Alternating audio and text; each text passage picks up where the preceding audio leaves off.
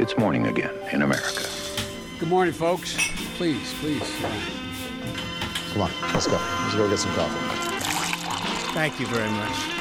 Det er tirsdag 13. mars, og morgenkaffen fra amerikanskpolitikk.no er servert. I går kunngjorde republikanske medlemmer av eh, etterretningskomiteen i Representantenes hus at de ikke har funnet noe bevis for en sammensvergelse mellom Russland og Trump-kampanjen. Stikkordet her er de republikanske medlemmene.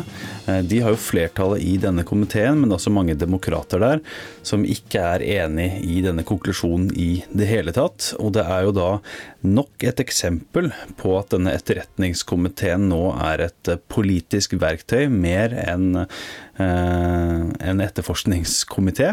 Og det her er jo akkurat det Donald Trump ønsker. Og for å understreke hvor hendig talepunkt han nå har fått, så skrev han jo da en nesten høre at han roper det, at husets etterretningskomité eh, ikke har funnet noe bevis for en sammensvergelse.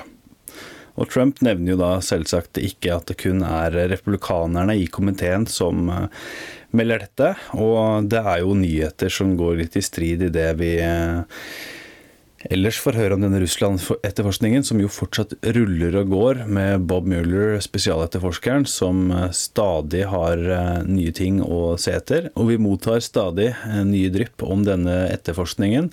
Dette er ikke over i det hele tatt, men poenget her Etterretningskomiteen har nå kun eh, blitt til et politisk verktøy som republikanerne bruker for å gi et eh, hendig talepunkt til president Donald Trump, eh, som bruker det. Hans tilhengere kommer nok også til å gjenta dette, men dette er ikke over. I går fikk vi også et nytt eksempel på at eh, for Trump-administrasjonen og med Trump så er det viktig å følge med på hva han faktisk gjør, heller enn det han sier. Eh, han var jo tidligere ute og sa at eh, hans partifeller var redde for våpenlobbyen i NRA, og det var derfor de ikke turte å komme med forslag.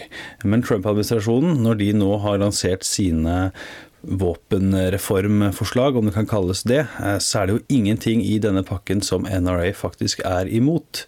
Eh, så Trump eh, var ute og snakka og hadde en del forslag, men når det faktisk kommer til stykket og de faktisk leverer konkrete forslag, så er det da NRA godkjent, om vi kan si det på den måten. Og pressesekretær Sarah Huckabee Sanders fikk i går spørsmål fra ABCs John Carl, der spørsmålet gikk på om det fantes noe som helst her som NRA er imot, og Sanders svarte da med at de skal, kan komme til å se på eh, behovet for å øke aldersgrensen. Men dette er jo da altså ikke i forslaget fra Det hvite hus.